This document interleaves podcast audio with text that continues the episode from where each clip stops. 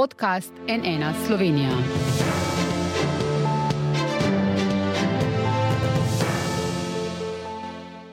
Dobr dan, to je NN studio. Po še enem koalicijskem vrhu na Brdu pri Kranju so znani prvi obrisi napovedane davčne reforme. Finančni minister Klemen Boštjančič pravi, velika večina posameznikov bo imela v denarnici več. A koaliciji je dal tudi dokaj jasno vedeti, potrebe so in bodo večje, kot zberemo z davki. Kako torej zbrati več, kaj to pomeni za zavezance in za gospodarstvo, kaj o vladnih načrtih pravi opozicija, ki je prve poteze vlade na področju davkov ostro kritizirala. Z nami v studiu sta poslanka Svobode in podpredsednica odbora za finance, gospa Monika Pekošak. Dobr dan, dobrodošli. Dobar dan. In poslanec Nove Slovenije in predsednik Komisije za nadzor javnih financ, Jarne Vrtovec. Dobrodošli. Pozdravljeni. Če začneva midva, gospa Pekošak, ta vladna koalicija torej želi sistem pobiranja davkov, če rečem po domaček, postaviti na glavo. V bistvu tudi premijer Robert Golob pravi podobno kot minister Boštjančič. Po 1. januarju 2024 bo imela večina državljanov ob enakem bruto znesku višjo neto plačo. Kako? Ja, cilj eh, davčne reforme je transparentnost, jasnost eh, in dolgoročnost. To je sedanji cilj. Uh -huh. Kako bomo pa to dosegali, bom pa še razložila. No, kar izvolite, lahko že kar ja. uh, malo urišete. Sedaj najprej dve poglavji, ki se jih bomo najprej lotili, so seveda dohodnina in pa davek na nepremičnine. Uh -huh. uh, dohodnina je eno izmed področji, kjer smo imeli največ nekih novel na ta zakon. Pravzaprav nam je že kar zmanjkalo črk v samem zakonu, ki bi še označile določene spremembe in je potrebna prenove. Zakon je tudi že zastarel. In obravnava nekatere, nekatera področja na načine, ki za ta današnji čas niso več primerni. Uh mhm. -huh. Tako da to je prva, prvo poglavje, ki ga bomo odprli, menimo ga zaključiti do konca tega leta, se pravi v letu 2024, da bi ga začeli uporabljati, davek na same nepremičnine pa z letom 2025. Seveda bomo tudi pri sprejemanju teh sprememb transparentni, jasni in bomo vključevali sodelovali uh, skupine, uh, tako da nič ne bo sprejeto na hitro in brez dogovorov. Uh mhm. -huh. Ampak to, kar ste v bistvu zdaj povedali, izhaja iz analize stanja, ki jo je v bistvu pripravilo Ministrstvo za finance in vam jo predstavilo. Ampak kaj pa načrti, kako konkretno, ne, eh, recimo, uvedli bi sistem neto razpoložljivega dohodka, v katerem bi se šteli dohodke, torej vse, poleg plače zraven še zdaj neobdavčena povračila za malico in prevoz, regres in drugo, ter socialne transferje, odšteli prispevke in tako dobili potem davčno osnovo, od katere bi obračunali davek v odstotku, ki je določen po dohodninski lestvici. Potem pa bi imeli različne odbitke. Zakaj menite, da je treba vključiti prav vse, dohod, eh, prav vse dohodke? Ja, menimo, da zato, ker um, osnova za davke je zdaj v bistvu podlaga, je plača. Uh -huh. uh, sedaj bi bili pa tudi drugi prihodki, kar menim, da je prav. Ampak nekdo... zakaj? Če nekdo recimo zasluži nekje minimalno plačo, eh, pa dobiva še zraven javne transfere, je prav, da se tudi ti javni transferi uh, seštevajo v to. Uh -huh. a, a lahko že morda kaj poveste o teh uh, odbitkih, o novih dohodninskih razredih? Ste lahko tu morda malo bolj konkretni, zakaj bi šli odbitki? Ne morem še biti tu bolj določna, določena, zaradi tega, ker to je še vse stvar razprave. Celo leto bomo imeli za to, da bomo razpravljali o davčni reformi, seveda vključevali tudi druge interesne skupine in tudi javnost, zaradi tega govoriti karkoli bi bilo preuranjeno. Uhum. Gospod Vrtovec, ne, ker je sedanja koalicija odpravila zakon o dohodnini, ki je bil sprejet v času uh, vaše vlade, ste šli skupaj z SDS celo ustavno presojo. Uh, kaj na te vlade načrte pravite zdaj, vas kaj posebej skrbi? Ja, in sicer to, da bi v nasprotju s tem, kar je bilo včeraj povedano, da bi ljudje imeli v denarnicah manj. Ne. To nas skrbi, ampak na podlagi tega samo analize, kar smo zdaj priča, uh, nimamo še nobenih pravih osnutkov zakonodaje. Eh, težko govorimo, kakšna bo tista ključna smer, katero bo obrala vlada. So pa določene smernice postavljene. Mene skrbijo v bistvu dve stvari. Prva stvar je tako imenovane davčne odbitki. Tukaj bomo lahko prišli do problema, ko se bo spet prišlo do ideje, da se bo davčno obremenilo tiste, ki so najbolj produktivni, spravi tiste, ki bojo, bojo imeli manjšo splošno lešavo. Eh, do tega lahko pridemo in na drugi strani te ljudje lahko dobijo svoje priložnosti kjerkoli, drugot za mejo, eh, grejo lahko v Avstrijo, Italijo, ker imajo boljše davčno okolje. Poseben segment, eh, tudi na podlagi tega, kar je kolegica poslanka sedaj govorila, pa so absolutno socialni transferi, da bodo pač obdavčeni. Potni stroški, božičnice in regresi. Ej, bodo pošteni. Ta trenutek mnogo slovenskih ljudi, podjetnikov, ki bi radi nagradili slovenskega delovca ne? in rečejo, ampak mi imamo tako visoke davke, da, da v bistvu si tudi ljudje, tega, ker potem dobijo večji, dražji vrtec, ne želijo dobiti božičnice, ne, ne želijo imeti regresov. Zdaj, če bomo še to obdavčili dodatno, brez da bi naredili ne bistvene stvari in sicer socialno, davčno in družinsko politiko nekako združili, da bi točno videli, se pravi, razdružili, da bi točno vedeli, posamezna družina, koliko zasluži, na kakšen način, in bi pogledali, pač tisti, ki ne zmorejo, imajo socialne, večje socialne uh, podpore, tisti, ki, ki pa ne, ne, uh, pa ne. Torej, na ta način, da potem tudi ne prevetrimo socialne in družinske zakonodaje, ne bo šlo, kajti imeli bomo manj v denarnicah, zlasti tisti bojo imeli manj, ki manj zaslužijo in so deležni druž, socialnih transferjev. Mnogo tudi takšnih, veste, ki žal ne. Tudi ta vlada je to naredila in sicer uh, razbremenila delodajalce pri potnih stroških. Ne? Mnogo tudi takšnih, ki dajo ljudem, zaradi tega, ker so do zdaj potni stroški, pa to ni prav, da dajo ljudem uh, večje potne stroške, ne? večji jih izplačujejo, ravno zaradi tega, da, ljudi, da si pač dvigujejo plače. Ne?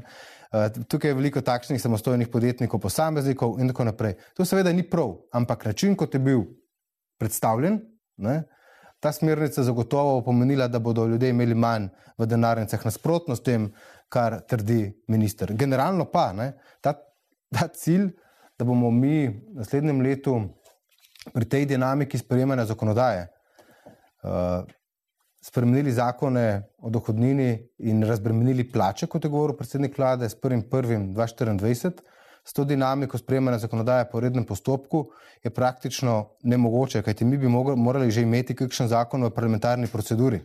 Hkrati pa tudi ne verjamem v pogum vladajoče koalicije in poslanki in poslancev državnega zbora, da bodo eno leto pred volitvami rekli slovenskim eh, ljudem, ki imajo nepremičnine, da jih bodo z nepremičninskim davkom obremenili. Ne nasprotujem temu, da tisti ljudje, ki imajo nepremičnino kot naložbo ne, in ne primarne ali pa sekundarne nepremičnine, ne, ampak kot naložbe, da imajo deset stanovanj v Ljubljani, da morajo prispevati v blagajno. Absolutno morajo, več kot pa tisti eh, drugi. Ampak za prvo pa drugo nepremičnino, absolutno ta bi morala biti neobdavčena. K davku na premoženje in k časovnici seveda še pridemo. Najprej, če lahko gospod Pekošak odgovorite na to, kar pravi gospod Vrtovec, da se njim zdi, da oni sklepajo, ocenjujejo, da bo ljudem v žepih na koncu ostalo manj kot doslej. Glejte, uh, vsaka predvidevanja sedaj so preuranjena, izračunov še ni. Prepričana sem, da kljub temu, če se bo morda uh, plača, regres, uh, prevozni strošek vračunal v bruto ceno, se bo to na drugi strani uredilo z bolj optimalnim uh, z davčno razbremenitvijo, se pravi s tistim prvim davčnim razredom, ki bo neobdavčen praktično. Ne? Uh, govoriti karkoli prej je prehitro, bistvo državnega zbora je, da se dogovorimo, da bomo našli neko pravo pot na tem, uh, kako bomo to uredili zdaj so neke smernice mečkano podane, ni pa še nič dogovorjenega. Zasledovati moramo pa seveda nekaj bistvenega, to so javne finance. Če želimo vzdrževati blaginjo države, eh, kakršno imamo sedaj, se pravi vzdrževati neko šolstvo, eh, seveda tudi zdravstvo, ki ga urejamo, zdravstveno reformo, eh, če želimo imeti državo takšno, kot poznamo, potem moramo poskrbeti tudi za javno-finančni vidik. In to pomeni, da boste morali, da bo država morala zbrati več davkov. In optimizirati tudi odhodke na drugi strani. Mhm. To pa delamo z reformami. Sej ne gre samo davčna reforma uh, zdaj v, v razpravo, grejo še tudi druge reforme. Ampak da bomo bo, ugotovili, ja. kje pa na drugi strani, poleg prihodkov, lahko tudi znižujemo odhodke. Ampak kdo bo pa plačeval več davkov, če jih moramo zbrati več? Pravite, ljudem bo na koncu ostalo več v žepih, obenem so in bodo potrebe države v naslednjih letih više. Mi torej... vemo, da imamo najbolj obdavčene plače, hkrati pa najmanj obdavčene eh, nepremičnine. Premoženje, da. Premoženje. Se pravi, šli bomo v to smer. Gospod Vrtovec. To, to drži. Ne, če pogledate statistiko OECD-a, so naše plače nadpoprečno obdavčene, uh, smo v samem vrhu. Da tukaj ne govorimo še, se pravi, eno je davek, ne, dohodnina, drugo so pa še prispevki. prispevki se pravi, govorimo o, eh, o prispevčenju, o vseh davščinah na plače. In to, tukaj smo res visoko v vrhu. Eh, drugo pa je davek na, premo, davek na premoženje, ki pa po vsej statistiki smo nekje pod sredino te lestvice. Ne? Ampak tukaj govorimo o davku na premoženje, se vladajoča koalicija dotika samo uh, davka na nepremičnine. Tukaj moramo biti zelo pazljivi, ko to počnemo. Res zelo pazljivi. Kaj ti eno so naložbe v nepremičnine, drugo so osnovne nepremičnine za, ži za življenje ali pa za prosti čas, ne, ki jo slovenci vem, imajo kjerkoli po svetu ali pa v soseščini. In tukaj moramo biti zelo pazljivi iz enega vidika. Nekdo lahko vrčuje in svoj denar privrčuje in ga stavi kot naložba v nepremičnine. Nekdo pa ta isti denar, naprimer, zapravlja za potovanje ali pa v restauracijah po Sloveniji. Pa povejte mi, na kakšen način in koga nagraditi tukaj noter, tistega, ki je bil vrčevalen za svoje življenje, pokojnino in tako naprej, se pravi kot naložba v nepremičninah, ali tistega, ki ni bil varčen v tem segmentu. In tukaj bo imela vladajoča koalicija pri nepremičninah silno težko nalogo, na kakšen način tudi to obdavčiti in tudi vi za vi. Ti lahko imaš v slovenskih halozah pet hiš, pa še vedno s temi petimi hišami ne prideš na vrednost enega 120 stanovanja um, v centru Ljubljane. Ej, ta, to stanovanje bo bilo neobdavčeno, se pravi, v njih tri dodatne hiše nad dvema po nekaterih napovedih iz vrst vlade, pa bojo bile obdavčene, ni pa vrednost ekvivalentna. Uh, spravi, poleg nepremičnin pa se tukaj odpira še eno vprašanje, na katerega ne vem, če bo gospa poslanka znala meni to odgovoriti, ali kot premoženje samo nepremičnine, ali tudi ostalo premoženje. Zaenkrat se omenja predvsem uh, nepremičnine, davek na nepremičnine, tudi vi uporabljate to dikcijo, leto 2025 uh, je nekako rok, ampak uh, doslej si še vsaka vlada polomila uh, zobe na tem davku, ustavilo jih tudi ustavno sodišče zaradi evidenc. Uh, tu spomnimo, da, da niso štimale. Ali so te torej zdaj urejene, se urejajo, kako bi v bistvu plačevali uh, ta davek? Ne? Najprej je bila ideja, da se obdavči vse dodatne nepremičnine, torej tiste, poleg naše osnovne, kjer pač bivamo, živimo in tako naprej. Zdaj pa je predlog, eh, da se obdavči vse. Zakaj tu v bistvu ta korak nazaj in kakšen je tu načrt ponovno? Mm, jaz bi tu le malo bolj eh, široko povedala, če smem. In sicer uh, davčna reforma in dohodnina in še marsikaj je potrebna zaradi vse splošne slovenske davčne optimizacije. Mi, slovenci, smo zelo dobri v davčni optimizaciji. Se pravi, da najdemo načine, kako se izogibati davkov. In to, to, ta zakonodaja trenutno zdaj to uh, še omogoča. In sicer so naložbe v nepremičnine, tu ne gre samo, koliko je kdo varčen, pa koliko ni. Naložbe v nepremičnine so v Sloveniji še vedno zelo ugodne, zaradi tega, ker so praktično neobdavčene. In dejstvo je, da pač uh, davki se plačujejo po višini prihodka, po premoženju. In ta, to področje je treba urediti.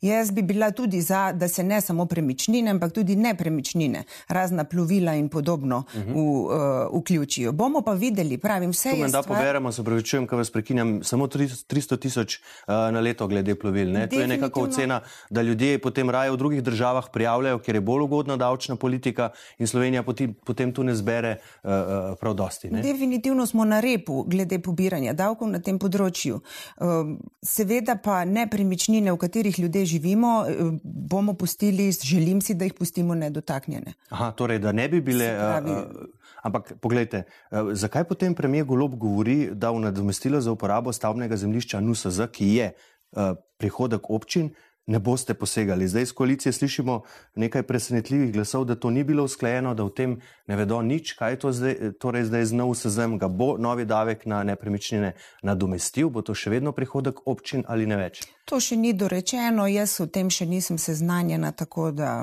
zagotovo bomo vse te informacije podelili v prihodnosti. Gospod Vrtovec. Ne vem, kaj namerava koalicija v bistvu. Torej... Potem sploh je kaj dorečeno, bom tako vprašal. In kaj? ja, poglejte, informacije najprej uh, Zdaj se sistem postavlja in potem je vedno nek normalen potek, da se uh, vključi tudi druge deležnike uh, in da se o tem pogovarjamo. Nič ne bomo naredili na silo in nič svoje voljno. Zagotovo z nekim konsenzom družbe. Kaj, a vi, eh, gospod Vrtovec, nasprotujete davku na nepremičnine? Ne, prej ste sami rekli, v Sloveniji je premoženje med manj obdavčenimi na območju EU in OECD-ja. Imate tu vi morda kakšen svoj predlog glede obdavčitve nepremičnin? Zakaj se tu zauzemate? Za obdavčitev v višini NSOZ, ne? se pravi, da se lahko spremeni ta del zakonodaje, kjer se upošteva eh, NSOZ, ampak ne pa, da se dodatno bremeni ljudi. Pa Pekošak je eno stvar zelo dobro rekla in prava diagnoza. Ne?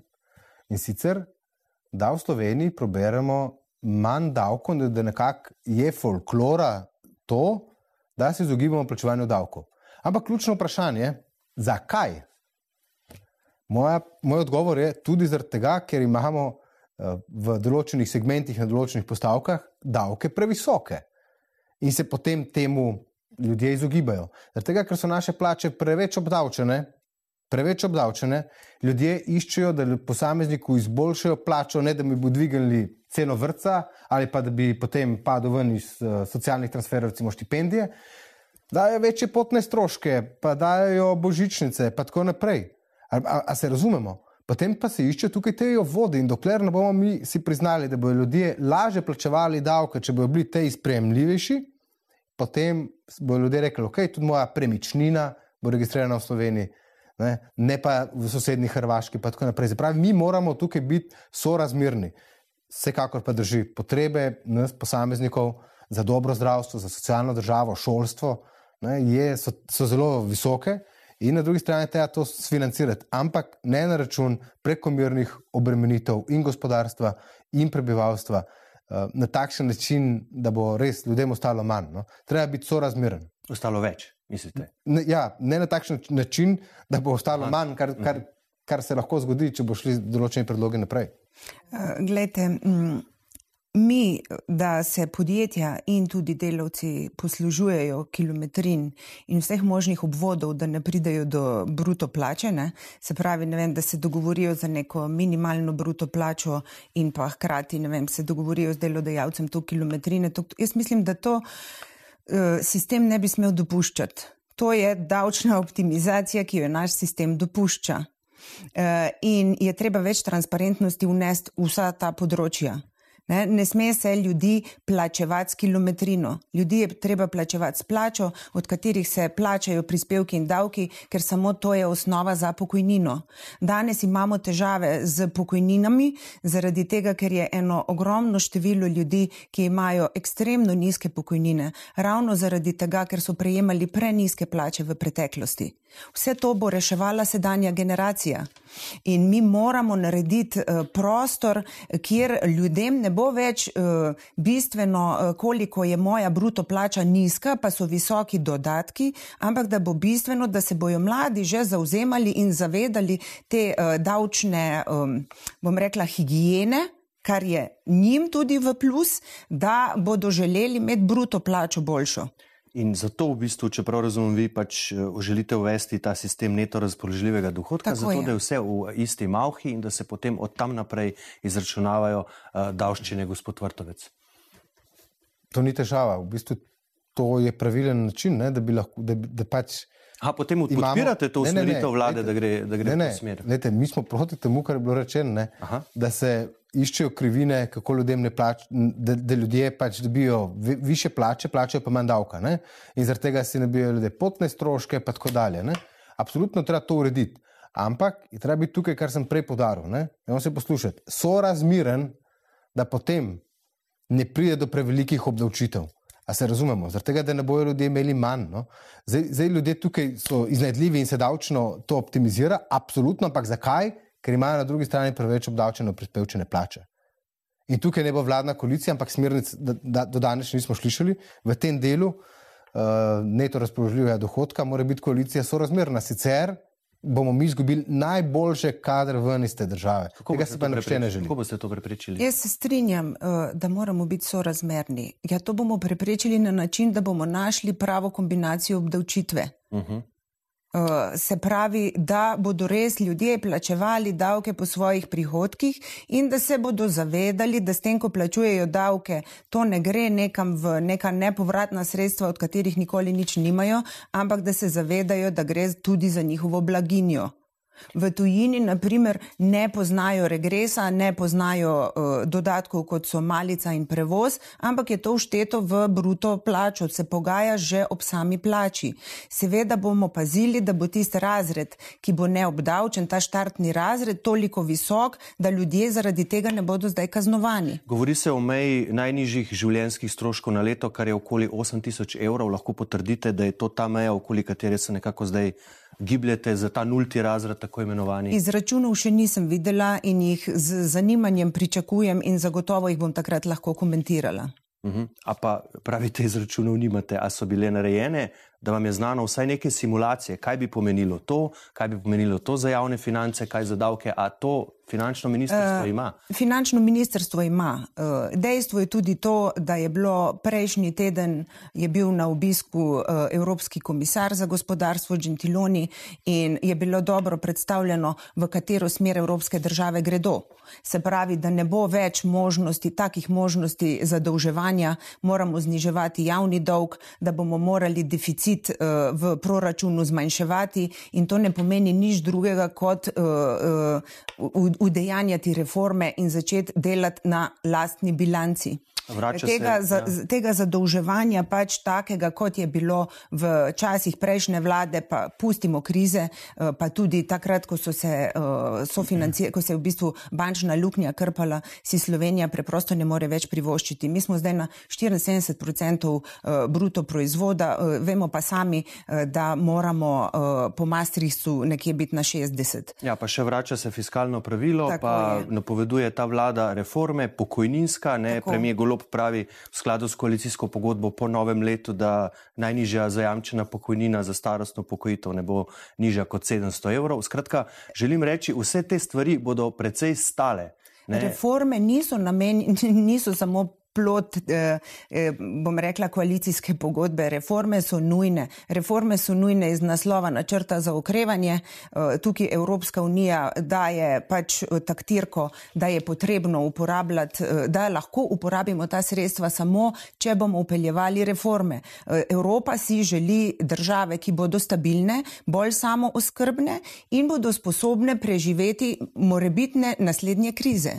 In nas so zdaj zadnje čase stresalo je veliko kriz eh, in moramo pač pripraviti državo na krizne čase tudi, tudi z reformami moramo poskrbeti. Že zdaj vemo, že. Pa moramo pa tudi vedeti, kdo bo vse to plačal. To pa... Seveda moramo vedeti, zato pa, eh, kot pravim, celo leto se bo sprejemala davčna reforma, veliko se bomo pogovarjali. Mislim, da smo tudi v preteklosti sprejeli določene zakone, tudi skupaj z opozicijo smo našli dobre rešitve, tako da verjamem, da bomo tudi v tej smeri delovali.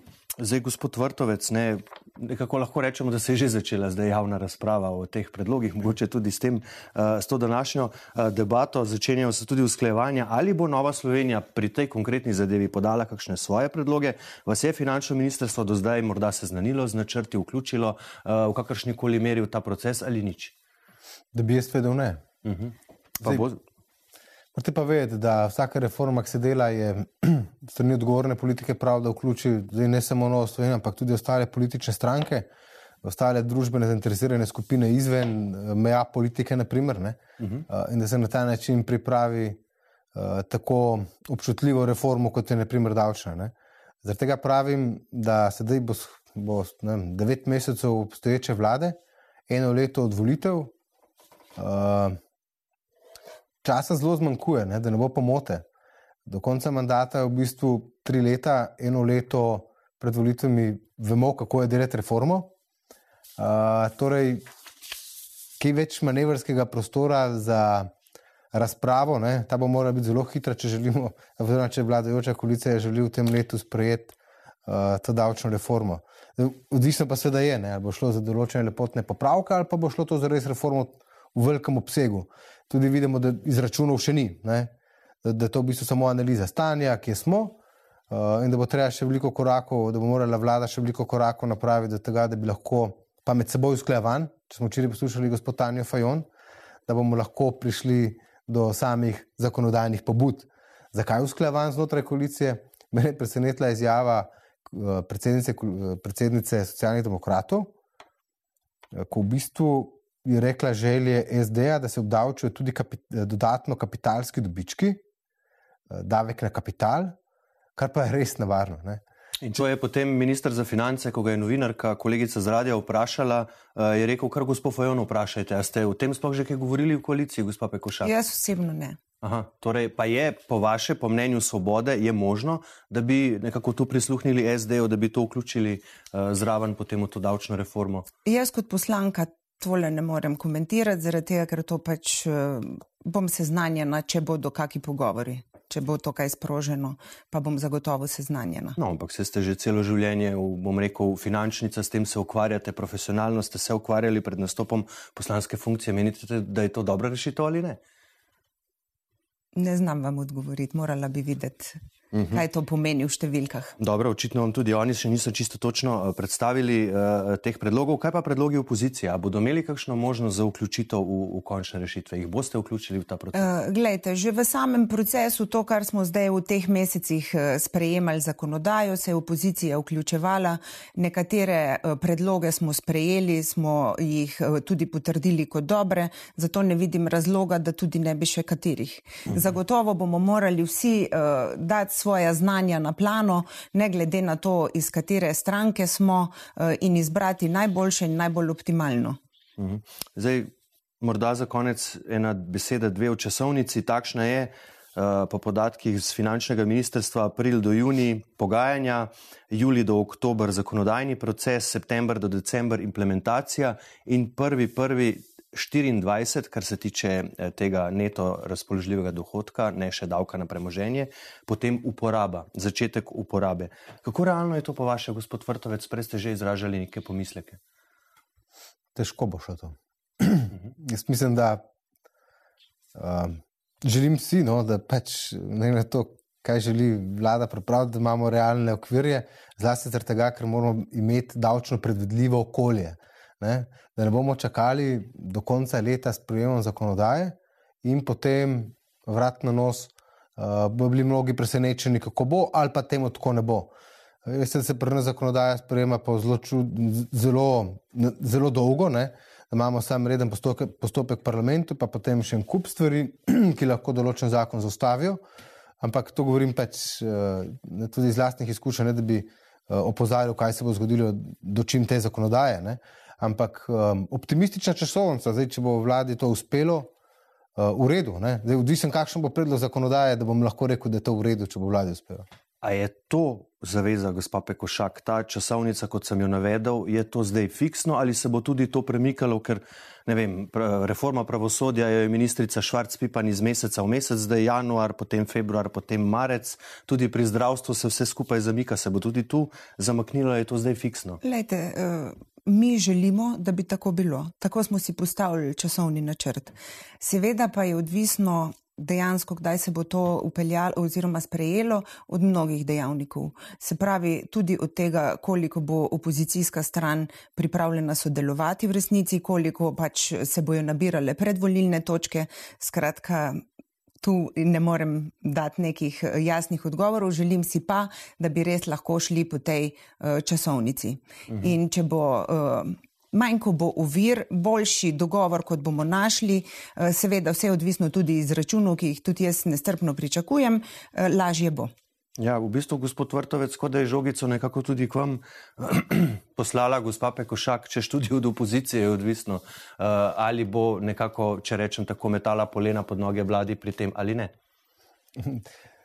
Jaz sem razumel, gospod Pekošak, da bo odvisno tudi od izračunov. Glejte, mi se pogovarjamo o časovnici, nima pa izračunov. No? Da bomo pa dobili izračune. Da pa jih boste dobili, jaz vam kaj rečem? Zelo kratkem. Aha, to pomeni še ta mesec. Ne morem vam to odgovoriti. To je bolj vprašanje za ministra. Če mi nimamo izračunov, hkrati pa govorimo, da se bo začela pogajanja marca, Povejte, v čem, smo, v čem se bo vlada pogajala, če, če, če, če nimamo izračunov. Mislim, jaz jih bi tudi čim prej videl, da lahko kot opozicijska stranka lahko tvorno pripravimo svoje predloge, da izboljšamo recimo omenjen zakon. Ampak eh, zaradi tega govorimo o časovnici, da je zelo optimistična, verjamem pa, da se lahko zgodi mrsikaj, pa bo vlada to sprejela čez. Seveda si želim, da sprejme čez, če bo zakon dober. Dobro, eh, za danes hvala lepa, seveda tudi mi nestrpno čakamo te izračune. Eh, spoštovana poslanca, gospod Jrne Vrtovec, gospa Monika Pekošak, najlepša hvala, da ste prišla na NNA. Hvala vam. Hvala vam. Hvala pa tudi vam za vašo pozornost in ob tem naj povem, da smo zelo podrobno o vseh teh stvareh, tudi o časovnici, o načrtih, izračunih, povprašali ministra za finance Klemna Boštjančiča, z njim se je pogovarjala naša novinarka Andreja Lončar in ta intervju objavimo na nnainfo.si še to soboto, torej vabljeni k branju. Iz studija pa le še lepo zdrav in nasvidenje.